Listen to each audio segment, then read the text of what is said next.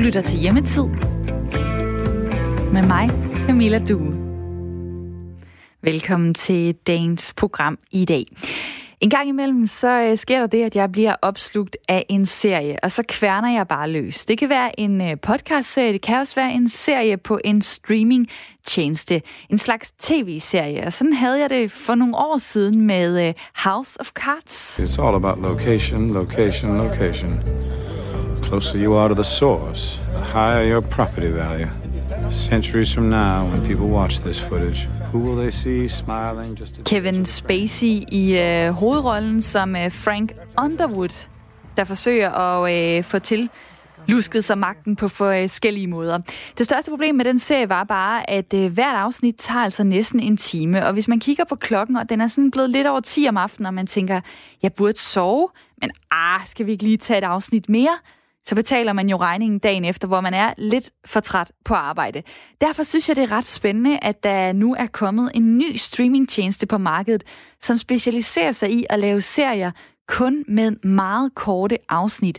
Serier, man lige kan se i, øh, i bussen på vej til arbejde, måske i en toiletpause, øh, eller lige efter man har puttet ungerne, og uden at der skal gå en hel time med det. Det glæder jeg mig til at dykke ned i her senere i programmet.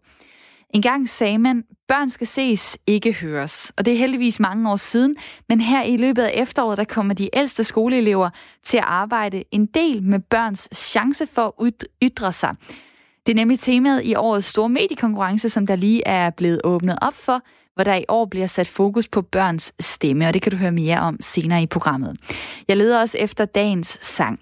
I dag der er det international jazzdag, og det bliver fejret virtuelt med live-koncerter på nærmest alle tidspunkter af døgnet. Og jazz er jo ikke det, som vi har øh, spillet mest af her i hjemmetid, men det laver vi om på nu, fordi i dag spørger jeg jer, hvilken sang synes du, vi skal afslutte dagens program med? En jazzsang, og hvorfor skal det lige præcis være den? Du skal skrive kunstneren og øh, sangens navn til mig på en sms-nummer, det er 1424. Skriv R4, lav et mellemrum og kom så altså med dit bud. Og det kan godt være, at du ikke er den store, store øh, jazzkender, men du kan jo alligevel godt foreslå en sang, som for dig føles sådan lidt øh, jazzet. Jeg har også et bud. Og det er et nummer,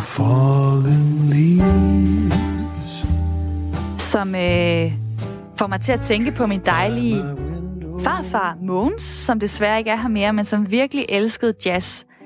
Og den her sang, den øh, passer lidt til det, som jeg ser ud af vinduet lige nu i studiet. Det er gråt og vådt, og det kunne da egentlig godt være en efterårsdag. I see your lips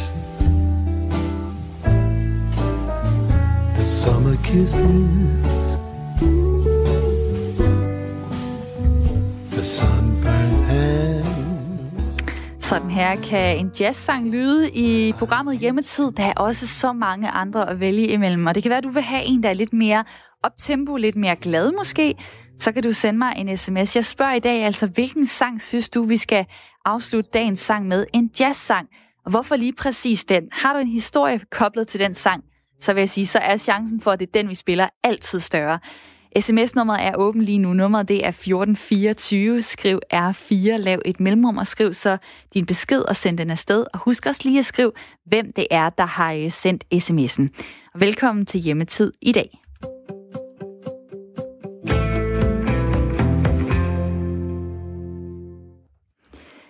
Der er mange konsekvenser ved den her coronakrise, og nogle af dem rammer bredt hele samfundet, for eksempel øh, når virksomheder går konkurs, eller når økonomien i samfundet er nedadgående.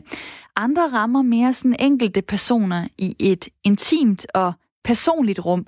FN kom i tirsdags med en ny rapport, der forudser en dyster fremtid for kvinder, fordi coronakrisen blandt andet vil betyde mere vold mod kvinder. Og det gælder særligt i lav- og middelindkomstlande, men også i rige lande som øh, Danmark, hvor et akutkrisecenter for kvinder blandt andet er blevet oprettet. Og nu kan jeg sige god formiddag til dig, Mette Marie Yde. Godmorgen. Godmorgen. Vicedirektør i Danner. Dannerhuset i København har siden 80'erne fungeret som kvinde- og krisecenter, og i dag der består organisationen øh, Danner af et videnscenter, af et krisecenter og et rådgivningscenter, alt sammen i forbindelse med vold mod kvinder. Hvordan øh, har de henvendelser, I har fået, forandret sig under coronakrisen? Øh, de har, det har været, det har ligesom fuldt, hvad kan man sige, coronakrisen på sin vis. De allerførste dage, øh, da Mette Frederiksen havde øh, holdt sit pressemøde, og det blev klart, at vi begyndte at lukke samfundet ned, der steg antallet af henvendelser til den nationale øh, hjælpelinje, eller hotline, som den hedder, i forhold til dem, der bad om at få en plads på et krigscenter. Den blev fordoblet. Øh, det antal henvendelser, de fik, det handlede om det. Øh, og så i de efterfølgende uger, så faldt øh, antallet af henvendelser generelt, både på den nationale hotlinje, men også inde hos os. Og det var egentlig ret forventeligt, fordi det kan være rigtig svært at komme til at ringe og bede om hjælp, øh, når man er sammen med voldsudøveren øh, hele døgnet rundt, eller og ikke er på arbejde, og børnene også er hjemme. Øh, og det vi så har set øh, under øh, lockdown, det er, øh, at nogle af de henvendelser, der kom, øh, de var sådan mere akutte i karakter. Øh, og det vil sige, at det var sådan, man havde mere brug for at komme på her og nu, end man har brug for en afklaring af sin situation. Og nu er her efter vi så småt er begyndt at lukke op, så kan vi se nogle tendenser til, at antallet af henvendelser øh, inde hos os i Danmark stiger igen. Der er også flere, der beder om rådgivning og ikke kun om krisecenterpladser. Og faktisk er antallet af henvendelser her i april, det ligger faktisk lidt højere, end det plejer at gøre i april. Det ligger mere på niveau med det, vi plejer at se i januar, hvor vi også har rigtig mange henvendelser, og det handler om, at det er efter jul og nytår, hvor der kan have været hvad kan man sige, øget vold eller konflikterne er taget til, man har været sammen i rigtig mange dage. Så det er lidt de samme øh, tendenser, vi ser lige nu i forhold til både antallet og den type af henvendelser, vi får. Så der har måske været sådan et øh, billede, hvis man kigger på en graf af en bølge, der går op, og så går den ned, og så går den øh, op nu igen. Hvis vi lige øh, begynder med det første, du sagde, at øh, I har oplevet et fordoblet antal henvendelser i starten. Hvordan kan du se, at det hænger sammen, at øh, Mette Frederiksen melder ud, samfundet lukker ned, og så er der en masse kvinder, der kontakter jer? Øh, ja, det var så tal fra den nationale hotline faktisk i forhold til krisecenterpladser. Øh, de dækker, de har jo en oversigt over alle pladser øh, på krisecenter i hele Danmark. De er jo sådan på den måde rigtig mange, der ringer til dem den har vi også adgang til. Men man ringer jo selvfølgelig direkte til den, når man ringer til os. Mm. Men, men, men det, det hænger sammen med, er selvfølgelig, at, øh, tænker jeg, uden at øh, jeg har talt med nogle af de her kvinder, at, at man ved, at man faktisk godt ved, at man sidder i en rigtig svær situation, der er vold i ens parforhold, og nu kan man så se ind i, at man faktisk skal være sammen øh, 24 timer i døgnet, og så tænker man, det er nu, jeg har brug for hjælp. Det er nu, jeg skal øh, væk og videre. Det er sådan, jeg tolker øh, den tendens. Det, man har også set det i andre lande lidt det samme. Også det her med, at det har sådan ligesom haft en bølgedal, og man taler rigtig mange steder om, øh, der nu der kommer sådan en, nogle bruger der ordet tsunami, vi sidder med i sådan et internationalt netværk, et globalt netværk med kvalitetscenter i hele verden, og rigtig mange lande har sådan en forventning om, at så snart udgangsforbud eller lockdowns bliver droslet ned, så kommer der en enorm stigning i, øh, i antallet af henvendelser. Det er sådan på det globale plan, som jo passer godt med den FN-rapport, du refererede til i starten. Så vold øh, har, har ikke noget sprog. Det går, øh, det går på tværs af landet. Her i Danmark, øh, der har man øh, oprettet et akut krisecenter. Kan du fortælle lidt om det? Ja, og det var faktisk, øh, der er faktisk oprettet øh, fem steder i Danmark akut øh, krisecenterpladser.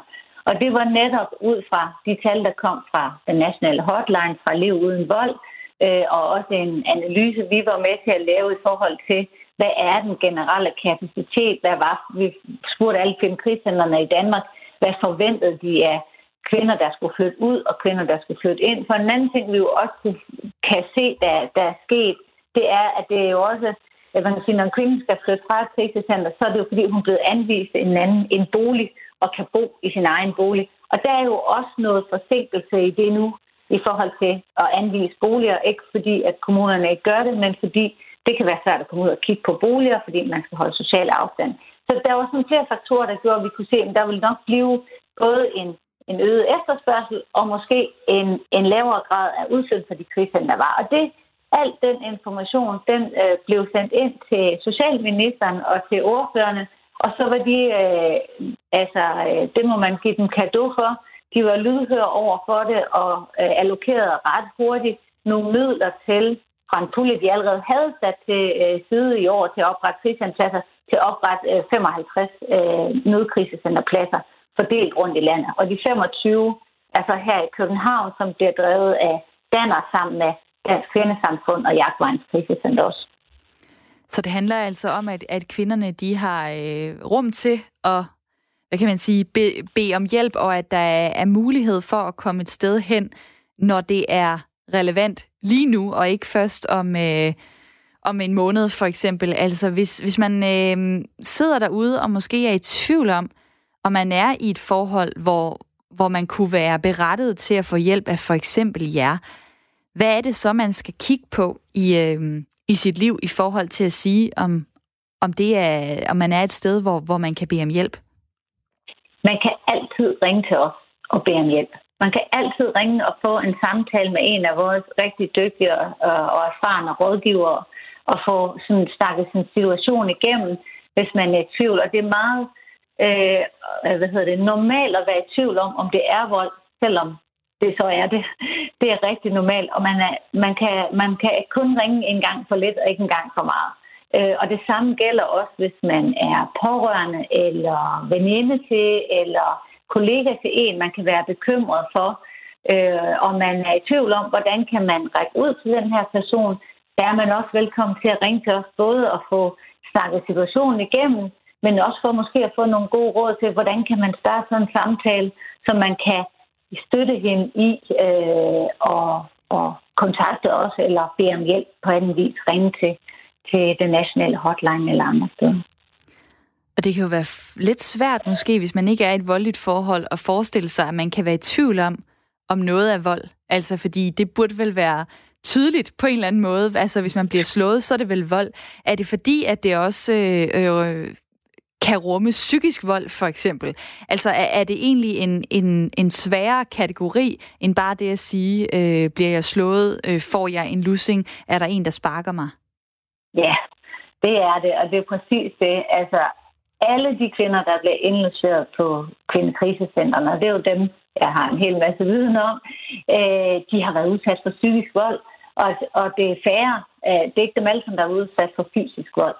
Øh, og det er rigtig, det er nemlig noget, der udvikler sig over tid. Og det handler jo om øh, kontrol og magt og dominans. Øh, og det via forskellige taktikker, for eksempel med at isolere eller ydmyge eller overvåge eller, eller true. Øh, så det bliver sådan noget subtilt noget, og det er også noget, der sådan eskalerer over tid. Så det starter måske i det små med, at man sådan ligesom skal øh, fortælle, hvor man går hen, eller han skal lige se, hvem man er på Facebook med, til at alt i ens liv er totalt kontrolleret. Øh, og det er jo sådan en udvikling over tid, hvor man også når at vende sig til det, vi taler om, der sker sådan en, en normalisering af det. Og derfor bliver man i tvivl, fordi det er ikke sådan, at fra den ene dag til den anden, så er det et, et dejligt øh, forhold, hvor man er forelsket i hinanden og respekterer hinanden, til at der er massiv psykisk vold. Det er noget, der foregår over, øh, sådan udvikler sig over tid, og derfor er det helt normalt, at man bliver i tvivl om, hvad der sker, mm. øh, og, om, og hvad det er, man bliver udsat for. Og, og, og oven i det kan man sige, at det er måske endnu mere overraskende. Folk, der bliver udsat for fysisk vold, kan også være i tvivl om, om de er udsat for vold. Og derfor så kan man jo øh, ringe til, øh, til Danners rådgivningslinje på nummer 33 33 0047, som har øh, åbent 24 timer i døgnet, eller til Lev Uden Vold nationale hotline på nummeret 1888. Mette Marie Yde, tak fordi du var med her. Det var let, og tak fordi I har fokus på det. Tak fordi, at øh, du vil fortælle og øh, gøre os klogere på, hvad øh, vold også kan være, og måske få bredt den definition ud. Mette Marie Yde, der altså er vicedirektør i Danner. Vi skal have fundet dagens sang i dag. Lige nu kommer der nogle dejlige sms'er ind. Mange tak for dem. I anledning af, at det er International Jazzdag, så øh, har jeg valgt at sige, at vi skal lede efter en jazzsang, og jeg har spurgt jer derude, hvilken en er det så, vi skal spille, og hvorfor lige præcis den? Jazz, det kan jo være øh, mange ting. Det kan være sørgeligt, det kan være festligt, det kan være med smuk vokal, det kan også bare være noget instrumental musik. Så jeg er ret spændt på, hvad det er for nogle øh, bud, der kommer ind i løbet af den næste halve time. Du kan sende mig en øh, sms-nummer, det er 1424. Du starter beskeden med at skrive R4, så laver du et mellemrum, og så fortæller du mig, hvilken jazzsang fra hvilken kunstner skal vi afslutte dagens program med i dag, for at øh, ligesom sætte streg under, at det er International Jazzdag, og hvorfor er det lige den sang, du vil have, jeg skal spille? Der er jo måske øh, 100.000 jazzsange derude. Hvorfor er det den der, der skal spilles sidst i hjemmetid i dag? Nummeret det er 1424. Skriv R4, lav et mellemrum og skriv din besked og send den afsted. Her i øh, coronatider er det ret svært at kigge frem i tiden og sige, at øh, sådan her bliver det i juli eller i august måned. Men en gang imellem, så kan det faktisk lade sig gøre. Øh, fordi årets mediekonkurrence, som begynder i midten af september, ser ud til at kunne foregå, som den er planlagt. Øh, her skal de større elever i folkeskolen lave deres egen avis, og der er lige åbnet op for øh, tilmelding til den konkurrence. I år der er temaet unges ret til at ytre sig, og engang der sagde man jo, øh, børn skal ses, ikke høres. Det er... Øh, det er ikke sådan, man ser på børn mere, heldigvis. Og i efteråret, så er det 6. til 10. klasserne, som altså skal være med til at sætte fokus på børns øh, stemme. Årets partner for mediekonkurrencen og dem, der har valgt det tema, som øh, de unge skal skrive om, det er UNICEF. Og derfor har jeg nu ringet til dig, Anne Mette Fris. Velkommen til. Tak skal du have. Nationalchef hos UNICEF Danmark. Set i lyset af corona, synes du så, at øh, jeres tema giver ekstra god mening? Ja, for pokker, det synes jeg helt sikkert. Vores tema giver altid god mening, vil jeg sige, og selvfølgelig især inden for de seneste 30 år, hvor vi har haft FN's børnekonvention, som jo siger, at børn har ret til at ytre sig og ret til at blive hørt og ret til at tage del i det informationsflow, der nu er i samfundet. Men vi kan også se, at øh, børn har rigtig meget på hjerte her i coronakrisen faktisk. Altså det er jo en hård situation, børn er sat i de er hjemme, de er frataget deres øh, sociale aktiviteter, deres fritidsaktiviteter, deres skolegang og det hele, og det påvirker dem rigtig meget. Så jeg tror, det er, det er rigtig passende nu, at de får lov til at ytre sig også om denne her periode. Hvordan vil du egentlig sige, det står til med, med børns mulighed for at komme til ord her i Danmark? Der er selvfølgelig en masse kanaler, som dels er de traditionelle. Vi har jo, øh, vi har jo elevråd, vi har fælles elevråd, vi har ungdomsorganisationer osv. Og der kan man jo godt ytre sig, bortset fra, at jeg synes også, der er en tendens til, at vi begynder at se lidt på elevrådene med nye øjne. Altså virker de virkelig? Er der virkelig en demokratisk mulighed for at få indflydelse, eller, eller hvad? Men udover de øh, mere traditionelle medier, og kanaler, så er der jo alt det, som øh, børn og unge virkelig har taget til sig, selvfølgelig Instagram og alle de andre sociale medier og kanaler, som kan bruges. Og der er øh, der sker der jo også en hel masse, øh, som vi måske ikke altid øh, ser og hører som voksne. Så, men der er selvfølgelig også nogle, øh, hvad skal man sige, nogle farer ved at færdes for meget på, øh, på sociale medier. Altså, vi ved ikke helt, hvad der er fake news. Øh, du ved, der er jo også nogle ting, man skal være opmærksom på der. Men, øh, men der er selvfølgelig fora, hvor man kan ytre sig. Og nu nævner du de sociale medier, hvor øh, mange børn bruger en del af deres tid. Så kan det jo virkelig lidt gammeldags, at de skal til at, øh, at lave en avis. Øh, er der et moderne øh, twist på det, så det er ikke fordi, de, de bare skal sidde og skrive artikler, som skal udgives øh, på et stykke papir. Altså jeg tænker på, er der noget, øh, som også handler om øh, de sociale medier, eller øh, på, på anden måde er sådan mere digitalt, øh, som jo er, er, er den verden, der bliver mere af for de børn? Altså, udover at der som rent konkret som redskab også øh, har været en netavis de tidligere år, så kan man sige, at emnerne, som børnene skriver om, vælger de jo selv. Og, øh, og det kan jo handle om alt, også sociale medier selvfølgelig, og deres bekymringer eller glæde ved sammen. Så derfor så kan sociale medier jo sagtens få en stor rolle, eller spille en stor rolle i avisskrivningen. Men man kan sige, at der er jo rigtig mange ting ved en avisskrivning, så selvom du, du bruger ordet gammeldags, så er der jo også noget, noget ved det, som, som er, er rigtig fint. Det er en taktil mulighed. Der er mange børn, som trives rigtig godt, når vi snakker læringsstile. Altså, han trives rigtig godt med at have ting i hånden og du ved, have mulighed for at printe dem ud og se dem ligge på bordet, have overblik over det der. Det, det er ikke alle, der absolut trives 100% med at færdes udelukkende på nettet. Så nogle af de der øh, gammeldags øh, dyder, øh, kan man sige, er jo, er jo ikke dårlige, fordi de er gammeldags. Altså, der er mange øh, ting, man opnår i en klasse ved at lave en avis. Man får et enormt sammenhold, man arbejder sammen om et fælles projekt. Det er ovenikøbet en konkurrence, så man skal gøre det så godt som muligt. Man får indgående kendskab til medieforhold. Altså, hvad vil det egentlig sige at lave en avis? Hvordan fungerer det at lave en avis? Det er en lille form for virkelighed, der kommer ind i skolen. Øh, så, så plus det her kæmpe ejerskab, som børnene kan tage til det, det er deres avis. De bestemmer selv, hvordan de vil gå til emnet og hvad de vil skrive om. Så så gammeldags, ja, men, men ikke uroligt. Jeg kan godt høre, at det er, det er okay og, øh, og stadig øh, kunne lide nogle af de, de ting, der er blevet opfundet for, for lang tid siden, ja, som, som, mange, som mange voksne jo også øh, øh, er rigtig glade for. Altså noget af det, jeg ja. tænker på, når jeg hører ordet at ytre sig, det er jo, mm. det er jo ytringsfrihed. Og så mm. i, i voksen sammenhæng, så det der hurtigt kan blive debatteret, det er det her med, har ytringsfriheden grænser? Kan man sige alt?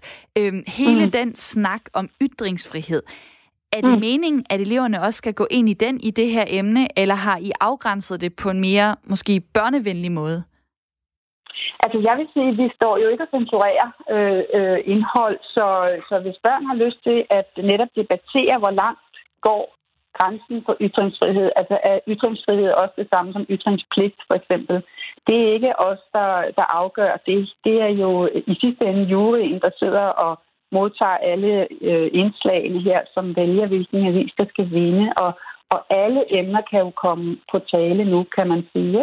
Og jeg mm. synes, at det der, øh, det, der er interessant ved ytringsfrihed, nu handler det jo også om øh, inddragelse, kan man sige. Altså at inddrage børn og give dem lov til at, øh, at skrive om det, de har på hjertet. Så det er jo mere end bare ytringsfrihed, kan man sige. Og der, der gælder det jo om for os voksne, som ligesom har patent på det i Danmark. Altså en lille sidebemærkning kan være, at vi har undersøgt i UNICEF Danmark, hvor mange øh, nyhedsartikler øh, i de store dagblade, der egentlig indeholder børn som kilder selv i emner, der omhandler børn. Og der er det 0,4 procent af artiklerne, der har børn med som kilder. Au. Så man kan sige, ja, det er ikke meget. Så man kan sige, at som demokratisk gruppe i vores samfund, eller som gruppe i vores demokratiske samfund, har børnene meget lidt plads. Og det kan jo være noget af det, vi kan, de kan være med til at debattere i avisen. Altså, hvorfor lytter vi ikke mere? Fordi vi voksne skal jo være villige til at træde et skridt tilbage at give den arena til børnene, hvis vi virkelig vil lytte til dem. Og det tror jeg er godt givet ud, fordi der er mange betragtninger, som vi ikke får hørt, hvis vi ikke også giver plads til det. Så her har denne her, lige netop det tema om mediekonkurrencen her, en kæmpe effekt. Ja, fordi UNICEF, der kæmper I jo for, for børns rettigheder. Det er så over hele verden. Kan du komme med et eksempel på, øh, hvor man kan sige, at her var det rigtig dejligt, at øh, børn blev taget alvorligt, og der blev lyttet til, øh, til, deres, til deres holdninger og til deres idéer? Ja, for Søren. Jeg har jo øh, det store privilegie at, at rejse lidt rundt i verden og se projekter og skrive undervisningsmateriale til danske skoler om det. Og, øh, og der har jeg mødt mange børn. Altså, hvis jeg skal nævne et par eksempler, har jeg mødt øh, børn fra Zambia, som så deres skoler blive oversvømmet en gang om året, når, når floderne gik over deres bredder i regntiden. Så der var flere måneder, hvor de ikke kunne gå i skole. Så var det faktisk øh, nogle børn, der fik den idé, at man kunne lave flydende skoler og de satte i gang i, satte i gang i et projekt, som UNICEF besluttede sig, UNICEF i Zambia besluttede sig for at støtte. Og øh, vi tog den til Danmark og fik støtte af Helsingør Kommune, som på daværende tidspunkt var UNICEF-by. Og på den måde lykkedes det os faktisk at fundraise midler til at bygge en skole, som kunne øh, øh, overleve selv, i de, øh, når, der, når der var rigtig meget vand. Så det blev en flydende skole. Og vi har også set i Rwanda øh, unge mennesker, helt unge mennesker, som producerer øh, byggematerialer ud af plastikaffald. Og det er ligesom, når man har, har noget på spil, øh, når der er noget på spil, når man lever i en, i en verden, som, kan, som har udfordringer på den ene eller anden måde, så har det man måske et andet incitament til at øh, gå i gang selv. Og det kan være, at vi ikke helt har fået øje på incitamentet her i Danmark, men det er der selvfølgelig. Og det er der har jeg bare... Ja. Det er da dejligt, at der så er tid til at, øh, at dykke ned i det, i sådan noget som øh, mediekonkurrencen 2020, der altså begynder i midten af september. Anne Mette Friis, tak fordi, at øh, du var med her. Tusind tak, fordi jeg måtte være med. National chef i UNICEF Danmark. Og det er ikke kun læring, der er på spil, for de sidste år, der vandt hver af de otte vinderklasser, der havde skrevet den bedste avis, de vandt 5.000 kroner til klassekassen. Nu er det blevet tid til et nyhedsoverblik. Hjemmetid er tilbage om fire minutter. Her er nyhederne på Radio 4. Det er en misforståelse, når Sverige får kritik for at have lavet coronaviruset slå sig løs i samfundet, uden at have indført de nødvendige restriktioner. Det siger Michael Ryan, der er chef for Verdens Sundhedsorganisationen WHO's akutberedskab, skriver nyhedsbruget TT. Michael Ryan roser Sveriges coronastrategi og kalder den en fremtidig model. Hvis vi ønsker at vende tilbage til et samfund uden lukninger, skal samfundet tilpasse sig i en potentielt lang periode, hvor vores fysiske og sociale forhold skal tilpasse sig viruset, siger han ifølge TT. Sveriges strategi har ellers vagt opsigt, især i de skandinaviske lande, hvor blandt andet Norge og Danmark har lukket skoler, barer og restauranter, og samtidig set langt færre coronarelaterede dødsfald end Sverige. De lokker kunder til med nedsatte priser på alt fra bøger til legetøj og parfumer, men når købet er gennemført, så stiger prisen for forbrugeren. Flere webbutikker har nemlig stor succes med at betinge salg af tilbudsvarer med dyre abonnementer, som kunderne ofte først opdager, at de har tegnet, når der måned efter måned er blevet trukket penge på deres konto, det skriver TV2 Løje. Vi modtager et stødt stigende antal klager over abonnementsbaserede webshops, og det til trods for, at vi har haft det som et indsatsområde over flere år. Det er stærkt bekymrende, siger forbrugerombudsmanden Christina Toftegård Nielsen til TV2 Løje. Det seneste halvandet år har forbrugerombudsmanden politianmeldt syv webbutikker for at vildlede om deres abonnementsordninger, og nu bliver yderligere tre butikker meldt til politiet for at vildlede om deres abonnementsordninger. Det er firmaerne bag webbutikkerne Plusshop.dk, Baseprice.dk og Gipote.dk, der nu bliver politianmeldt. De oplyser ikke tydeligt, at man skal betale et løbende abonnement for at handle på hjemmesiderne, og de angiver heller ikke prisen for det abonnement, de sælger, siger Christina Toftegård Nielsen. Det er vildledende efter vores opfattelse, og det er baggrunden for, at vi har politianmeldt en række webbutikker for de her forretningskoncepter, siger hun. I snart syv fulde uger har klasselokale, tavle og kridt været byttet ud med computerskærme for skoleeleverne i de ældste klasser. For lærerne kan det være en udfordring at blive ved med at være kreative, når de skal fjernundervise deres elever. Derfor præsenterer børne- og undervisningsminister Pernille rosenkrantz teil en række tiltag, der skal hjælpe lærerne med at styrke kvaliteten af fjernundervisningen. Det, der er hensigt med det her, det er simpelthen at sørge for, at vi får øh, smidt noget kul ind på kvaliteten af fjernundervisning, som jo er et fortsat fuldstændig nyt fænomen i Danmark. Øh, og det er altså det, vi prøver at samle op på med den her pakke. Ministeriet vil blandt andet lave særlige undervisningsforløb for eleverne i 6. til 10. klasse, som lærerne bruger til at undervise ud fra. Det vil blive tilgængeligt drøbvist efterhånden, som det bliver færdigt. Kødproducenter i flere amerikanske stater protesterer mod præsident Donald Trumps ordre om at forblive åbne under coronapandemien. Det skriver det amerikanske medie NPR. I delstaten Nebraska har mange af de i alt 2.000 medarbejdere hos kødproducenten Smithfield Foods protesteret mod ordren. Ordren blev udstedt natten til onsdag dansk tid og blev givet for at forhindre mangel på kylling, svinekød og andet kød på supermarkedernes hylder i USA. Ifølge NPR kan arbejdsforholdene hos kødproducenten være farlige, da der kan stå tusindvis af medarbejdere i disse anlæg på én gang. Samtidig deler de pauserum, omklædning og kantine. Der kommer lidt regn af til, og en overgang kommer der mere vedvarende regn først over de sydvestlige egne. I eftermiddag lidt opklaring fra sydvest, dog med byer. Temperaturer op mellem 8 og 14 grader, varmest i syd. Du lytter til Radio 4. Mit navn er Thomas Sand. Her er tilbage med flere nyheder, når klokken bliver 10. Velkommen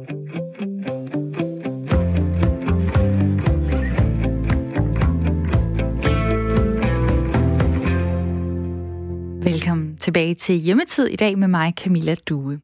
Lige om lidt, øh, der kan du komme med på moden, når vi øh, sammen skal blive klogere på en ny streamingtjeneste. Qubi, tror jeg den hedder. Øh, det er en streamingtjeneste, som prøver at ryste posen lidt og lave serier til os på en ny måde. Senere i programmet, der skal jeg også tale med en, der er virkelig god til at udnytte alle de dejlige krydderurter, der er lige nu. Vi skal nemlig lave en hjemmelavet urtete, og høre, hvordan man kan sætte forskellige smage sammen. Vi leder os stadigvæk efter øh, dagens sang, og der er kommet mange dejlige bud, blandt andet det her.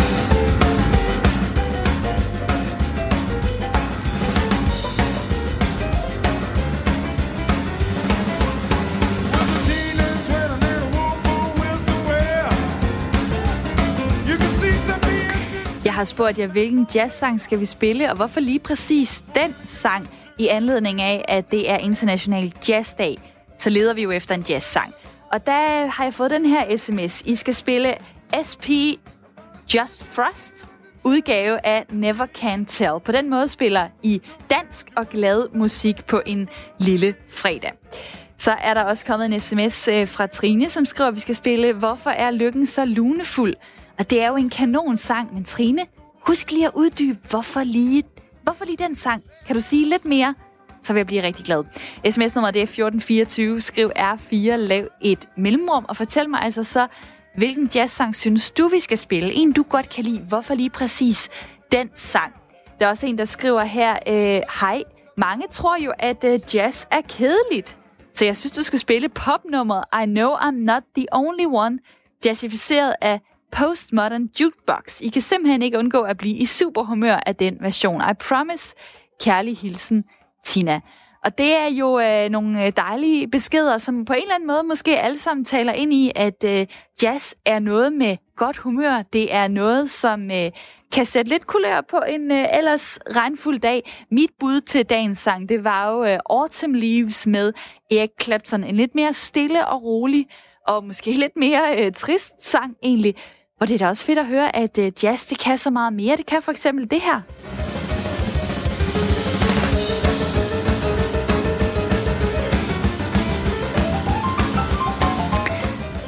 Hvis du synes, det her nummer er lidt for vildt at høre i hele sin længde, så kommer du med et bud til mig på sms'en. Nummeret det er 1424.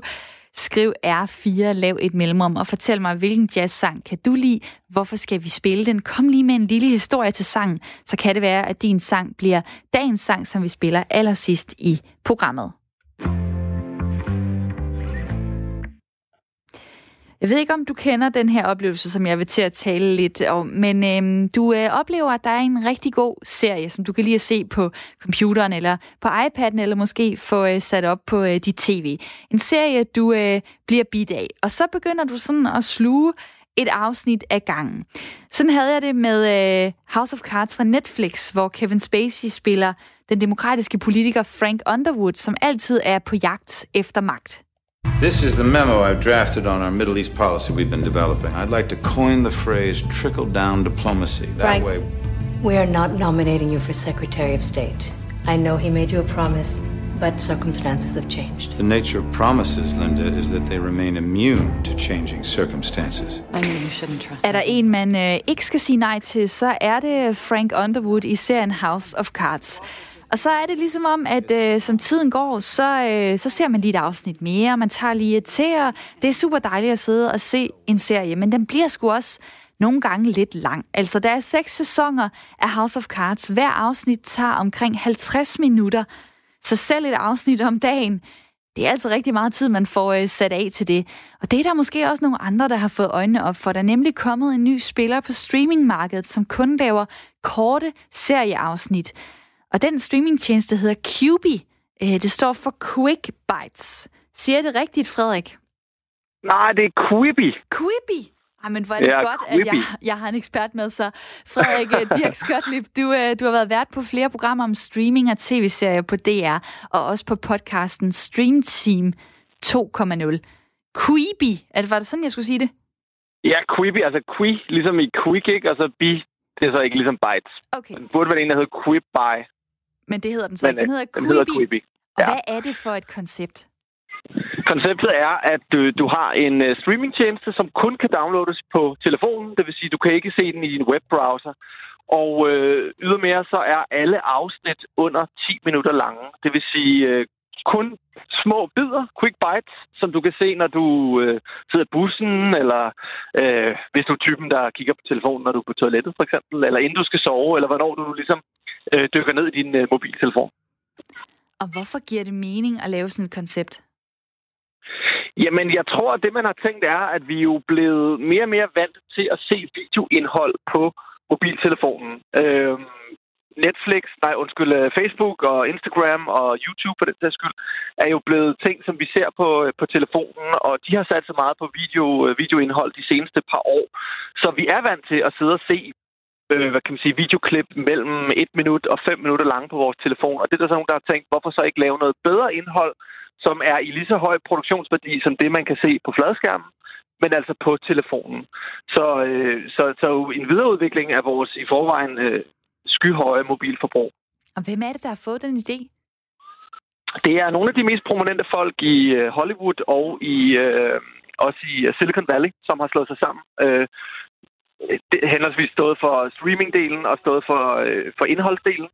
Og øh, det er blandt andet øh, ham, som var med til at genoprejse Disney i 90'erne med øh, Løvernes Konge og Aladdin og alle de her film, som, som mange også er vokset op med. Så det er rigtig dygtige, meget velhavende folk, som har masser af penge, virkelig dybe lommer, som kan køre det her projekt rigtig lang tid. Og så er de jo øh, op imod øh, HBO, Netflix, Amazon Prime Video, Viaplay, måske, eller hvad? Altså, er det her et...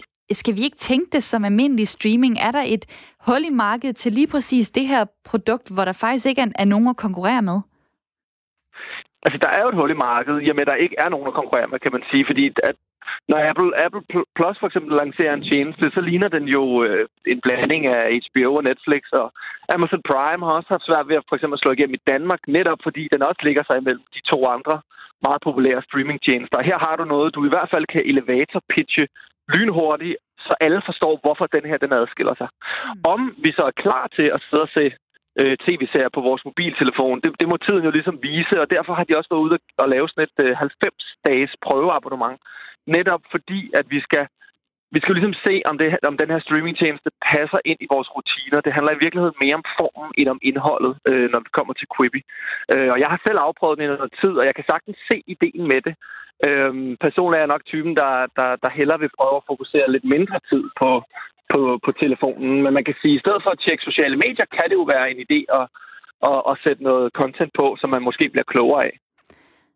Hvornår i løbet af en dag øh, kunne du se det passe ind? Altså, du siger, du har prøvet det. Nu nævnte jeg på et tidspunkt, er det, er det når man er på toilettet, eller hvornår er det, at, øh, at man lige har øh, 10 minutter øh, med telefonen ved hånden? Hvad, hvad i dit eget liv? Det, ja, og det er jo meget individuelt, kan man sige. Ikke? Øh, jeg har syndet jeg har set indhold på telefonen, når jeg har været på toilettet. Det er forfærdeligt. Min kæreste hader det. Øh, mm. hun hader at få sms'er hos på toilettet. Så nu kan jeg lade være at sende sms'er, og så kan jeg se, se noget indhold i stedet for. Men ellers så vil jeg sige offentlig transport, som vi selvfølgelig ikke bruger så meget lige i øjeblikket. Øh, men er jo selvfølgelig et oplagt sted at, at sidde og se bidder på, på 5 og 10 minutter. Øh, inden sengetid Øh, men du, man kan jo også sætte telefonen på bordet, mens man står og laver mad. Lige se, se noget på 5-10 minutter. Der er mange små revner, når man først begynder at tænke over det, hvor, øh, hvor vi alligevel, kan man sige, bruger vores tid på noget, på noget lidt ligegyldigt. Måske tjekker Facebook for 30. gang, ikke? Det er jo, øh, nogle gange har man jo de der rutiner, hvor, hvor man simpelthen øh, føler, man ikke rigtig har måske mere at, at køre rundt i, altså fordi man har tjekket mail, man har tjekket øh, Facebook, man har tjekket ja. DR's nyhedsapp, og hvad, skal, hvad er så det næste? Der kunne man jo så lige sætte sådan et, øh, et lille afsnit på. På et tidspunkt, der talte alle om tv-serien Skam, øh, fra Norge, ja. hvor der sådan faktisk løbende øh, kom nogle klip ud på de sociale medier, og så valgte man så at samle ja. det til sidst i et afsnit på øh, cirka øh, 20 minutter. Altså, øh, når afsnittene er så korte, også på Quibi, øh, går det så ud over indholdet? Altså, kan man så nå at få en historie fortalt? Hvad har du set, hvor du kan sige, jamen det er faktisk også gode serier, man får ud af det? Altså, jeg synes jo, Skam gjorde jo alt det rigtige i og med, at man ikke prøvede at proppe for meget ind på for kort tid. Et par af de serier, jeg har set, øh, fiktionsserierne, altså øh, serier, som, er, som følger et manuskript slavisk, øh, har været haft lidt for travlt, synes jeg. Det er simpelthen, man har været for... Det er ret tydeligt, at man øh, har en eller anden, nogle tal, der sikkert backer op, at man skal fange folks interesse på x antal sekunder. Det føles i hvert fald som om, at inden for 10, 20, 30 sekunder, der er serien allerede altså simpelthen kickstartet i gang på en måde, jeg aldrig har oplevet før. og det føles en lille smule uorganisk, og det ved jeg ikke, om noget, jeg bare skal vende mig til, eller om jeg i virkeligheden synes, at det fiktive format ikke fungerer særlig godt i så små bidder. Øhm, og de fiktive formater er jo også nogle, vi gerne vil se færdige. Altså, nu snakker du House of Cards før. Du vil jo gerne se, hvordan en sæson slutter, eller hvordan hele serien slutter på den tages skyld. Så man ender jo med at se det hele. Og når man så ser det i så små bidder her, så ender man jo i virkeligheden bare med at se en spillefilm, hvor man skal trykke play 10 gange. Øh, og det synes jeg var faktisk endte med at være lidt en hindring og lidt mere besværligt. Hvorimod jeg synes, at dokumentarprogrammerne, øh, Vox laver et program, altså øh, nyhedssejtet Vox laver et program, der hvor de øh, besvarer øh, videnskabelige spørgsmål. Jeg så et program om, hvor langt et nys kan, hvor langt kan man smitte med covid-19 øh, via et nys. Så fik jeg lige sådan en lille informerende øh, program på, på fem minutter. Det synes jeg passede langt bedre til den her platform. Så jeg synes, de skal satse på, øh, de skal satse på reality-underholdning og dokumentar, og så lade lade Netflix og HBO om at lave fiktionsserierne. Og de giver altså øh, folk derude hele tre måneder til at finde ud af, om det er noget. Øh, der kan man nemlig downloade øh, appen Quibi gratis, og derefter så koster det 69 kroner om måneden. Tak for at tage os i hånden og forklare, hvad det her går ud på, Frederik. Jamen, øh, det var så lidt. Jeg, øh, jeg håber, I prøver det af derude. Det er meget sjovt. Det er egentlig, det er egentlig et ret fint koncept. Jamen, så er det bare at finde, øh, finde telefonen frem og få downloadet Quibi, som staves Q-U-I BI, og nej, det her det er ikke øh, sponsoreret øh, eller noget, men hvis du synes, at du kunne bruge lidt, øh, lidt nyt streaming på en ny måde, så kunne du jo prøve det af. Øh, og det var Frederik Dirks Gottlieb, som var med her, serieekspert, streaming-entusiast og radiovært.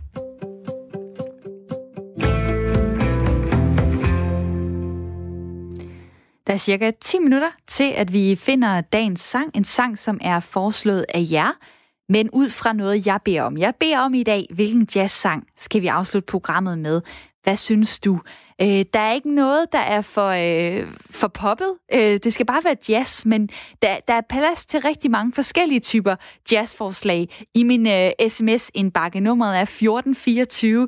Skriv R4 i starten af beskeden. Lav et mellemrum og fortæl mig så, hvilken jazzsang skal vi høre, og hvorfor lige den. Øh, fordi altså, at det er international jazzdag i dag. Der er kommet en øh, rigtig fin sms her. Øh, der er en, der skriver coveret af Sexy and I Know It med Noah. Vi har alle brug for at vide, at vi er sexede og dejlige, uanset hvor mange snacks vi har spist hvor stille vi har siddet, og hvor mange dage i træk vi har haft den samme hyggebuks på i disse tider. Desuden er det både frægt, det er jazzet, og det er en kæmpe ørehænger. Så er der også en, der skriver, øh, jazz, øh, dagens sang skal... Jazz kan jo være mange ting, men Ray Charles gjorde jazzen folkelig som popmusik. I Can't Stop Loving You er en smuk sang om kærlighed. Kærlighed er i dag vigtigere end så meget andet. Så er der også en, der skriver, jeg vil gerne høre Everybody Loves Saturday Night med Papa Boo. Øh, bare fordi man bliver glad i låget af at høre den, og simpelthen ikke øh, kan lade være. Med venlig hilsen Christian, og en rigtig god dag til alle. Og tak for de dejlige beskeder, der er.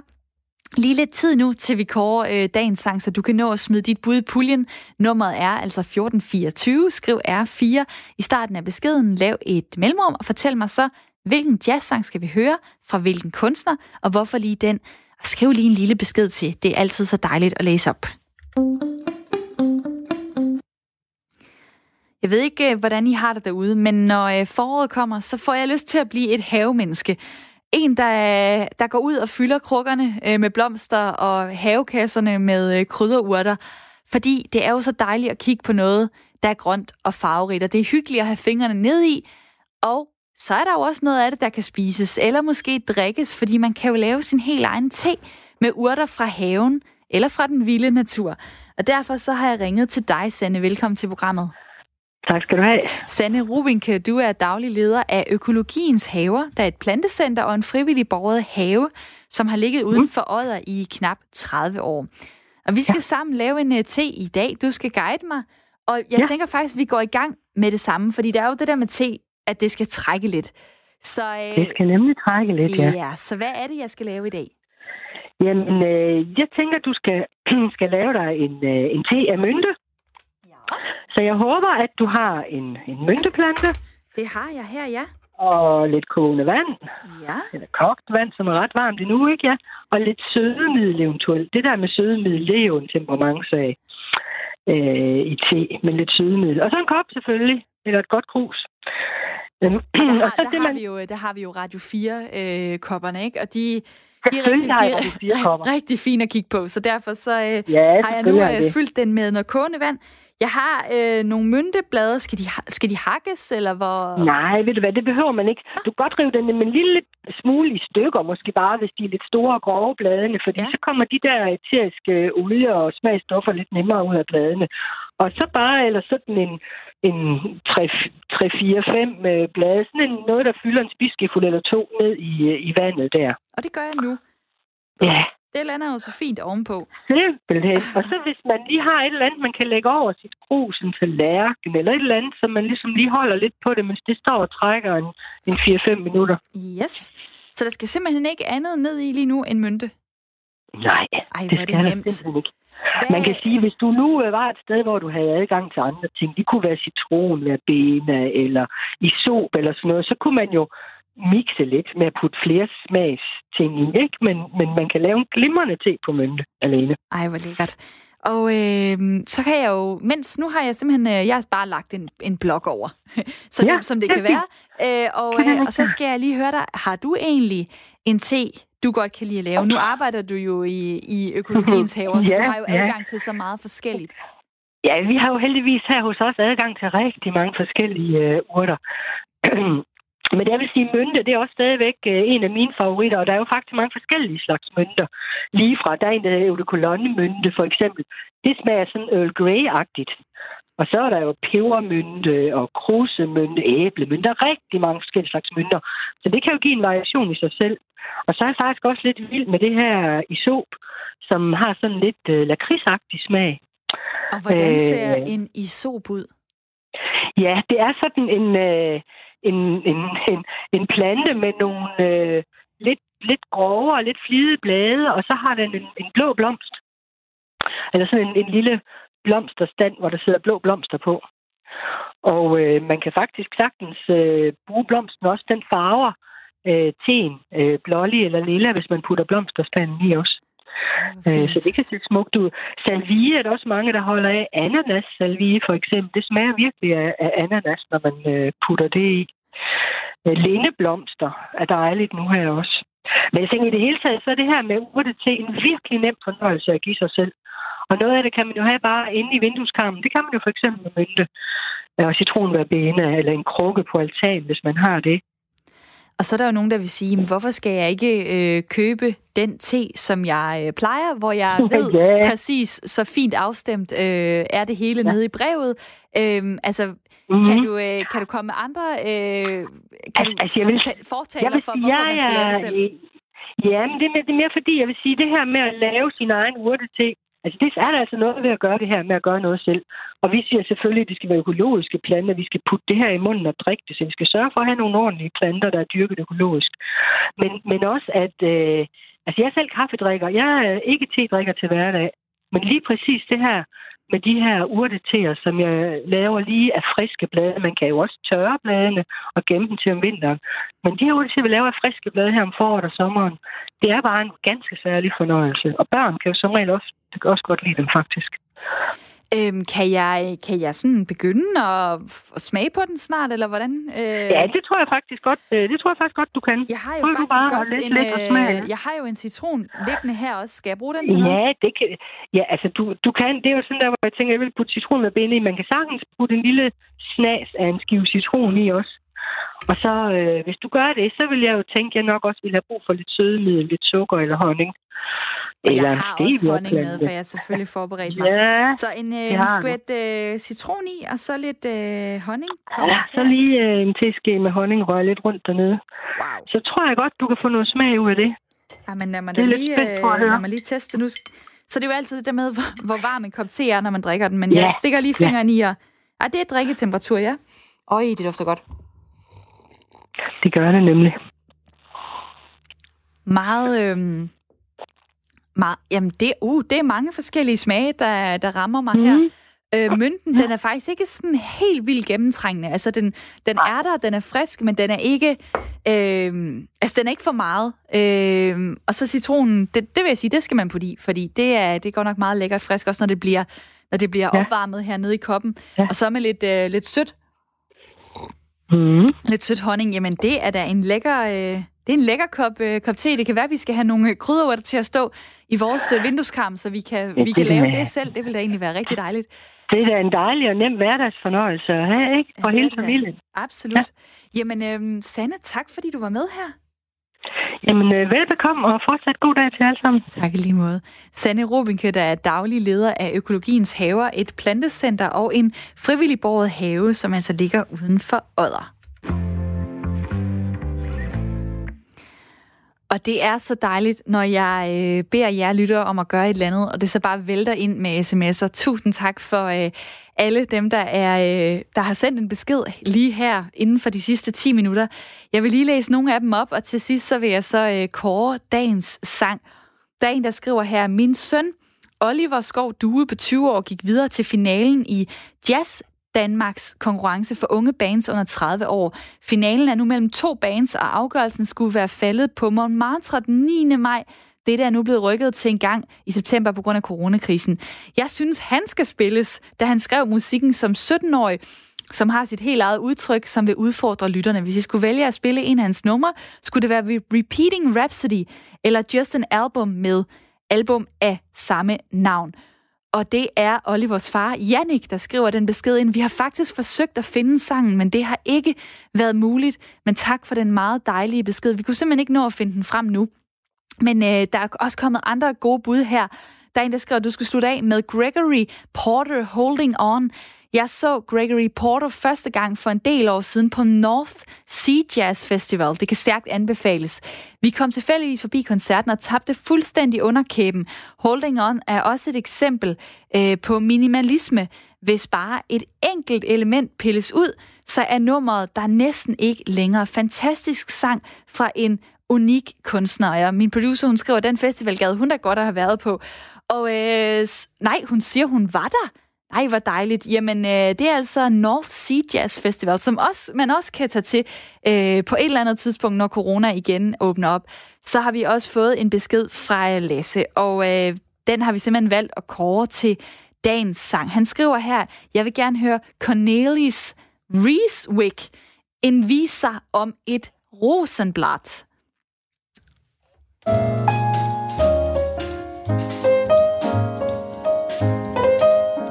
Forklaringen er, at det er vild smuk jazz, og så på svensk. Jeg arbejder nemlig i Hi-Fi-klubben, hvor en kunde viste mig dette nummer, og siden da er det blevet en favorit. Hilsner fra Lasse. Her er dagens sang.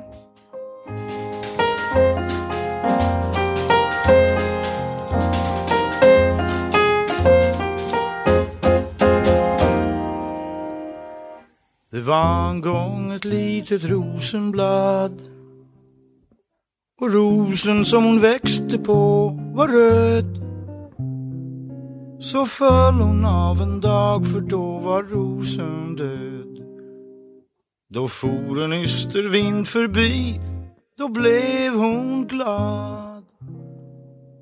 För vinden var en glad och eldig fyr som var på väg från söder emot nord. Han blåste hennes öra fullt av fagra ord. Kom hjärtevän, sa vinden, kom. Då blev hon yr.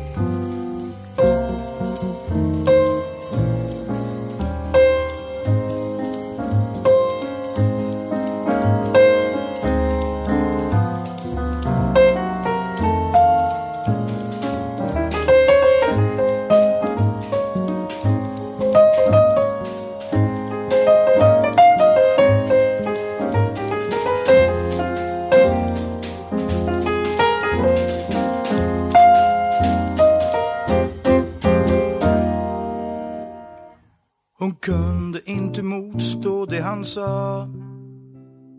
Hon skänkte honom allt varom han bad. Han förde henne med sig till en stor stad. Här ska vi bo vi två, sa han. Och hon sa ja. Og det var Cornelis Vresvik. Jeg tror, jeg fik sagt det forkert før, så er det dejligt at have nogle jazzkyndige på redaktionen, der kan sige, hov, det er ikke sådan, man udtaler det. En viser om et rosenblad fik vi her Nummeret ønsket af Lasse. Tak for øh, den dejlige opfordring til at få spillet noget jazz her i hjemmetid på en dag, hvor det er international jazzdag. Der er også lige en sms fra Kai, jeg vil nå at øh, dele med jer. Han skrev, lad os øh, få noget af det gode originale fra en god tid. Louis Armstrong, What a Wonderful World. Jamen Kai, lad os da håbe, at vi øh, kan fejre jazzen på en anden måde en anden dag i hjemmetid, så vi også kan få det dejlige bud i øh, spil. Tusind tak for øh, alle jeres øh, gode sms'er, og øh, hjemmetid er tilbage i morgen kl. 9.05. Nu er det blevet tid til nyheder.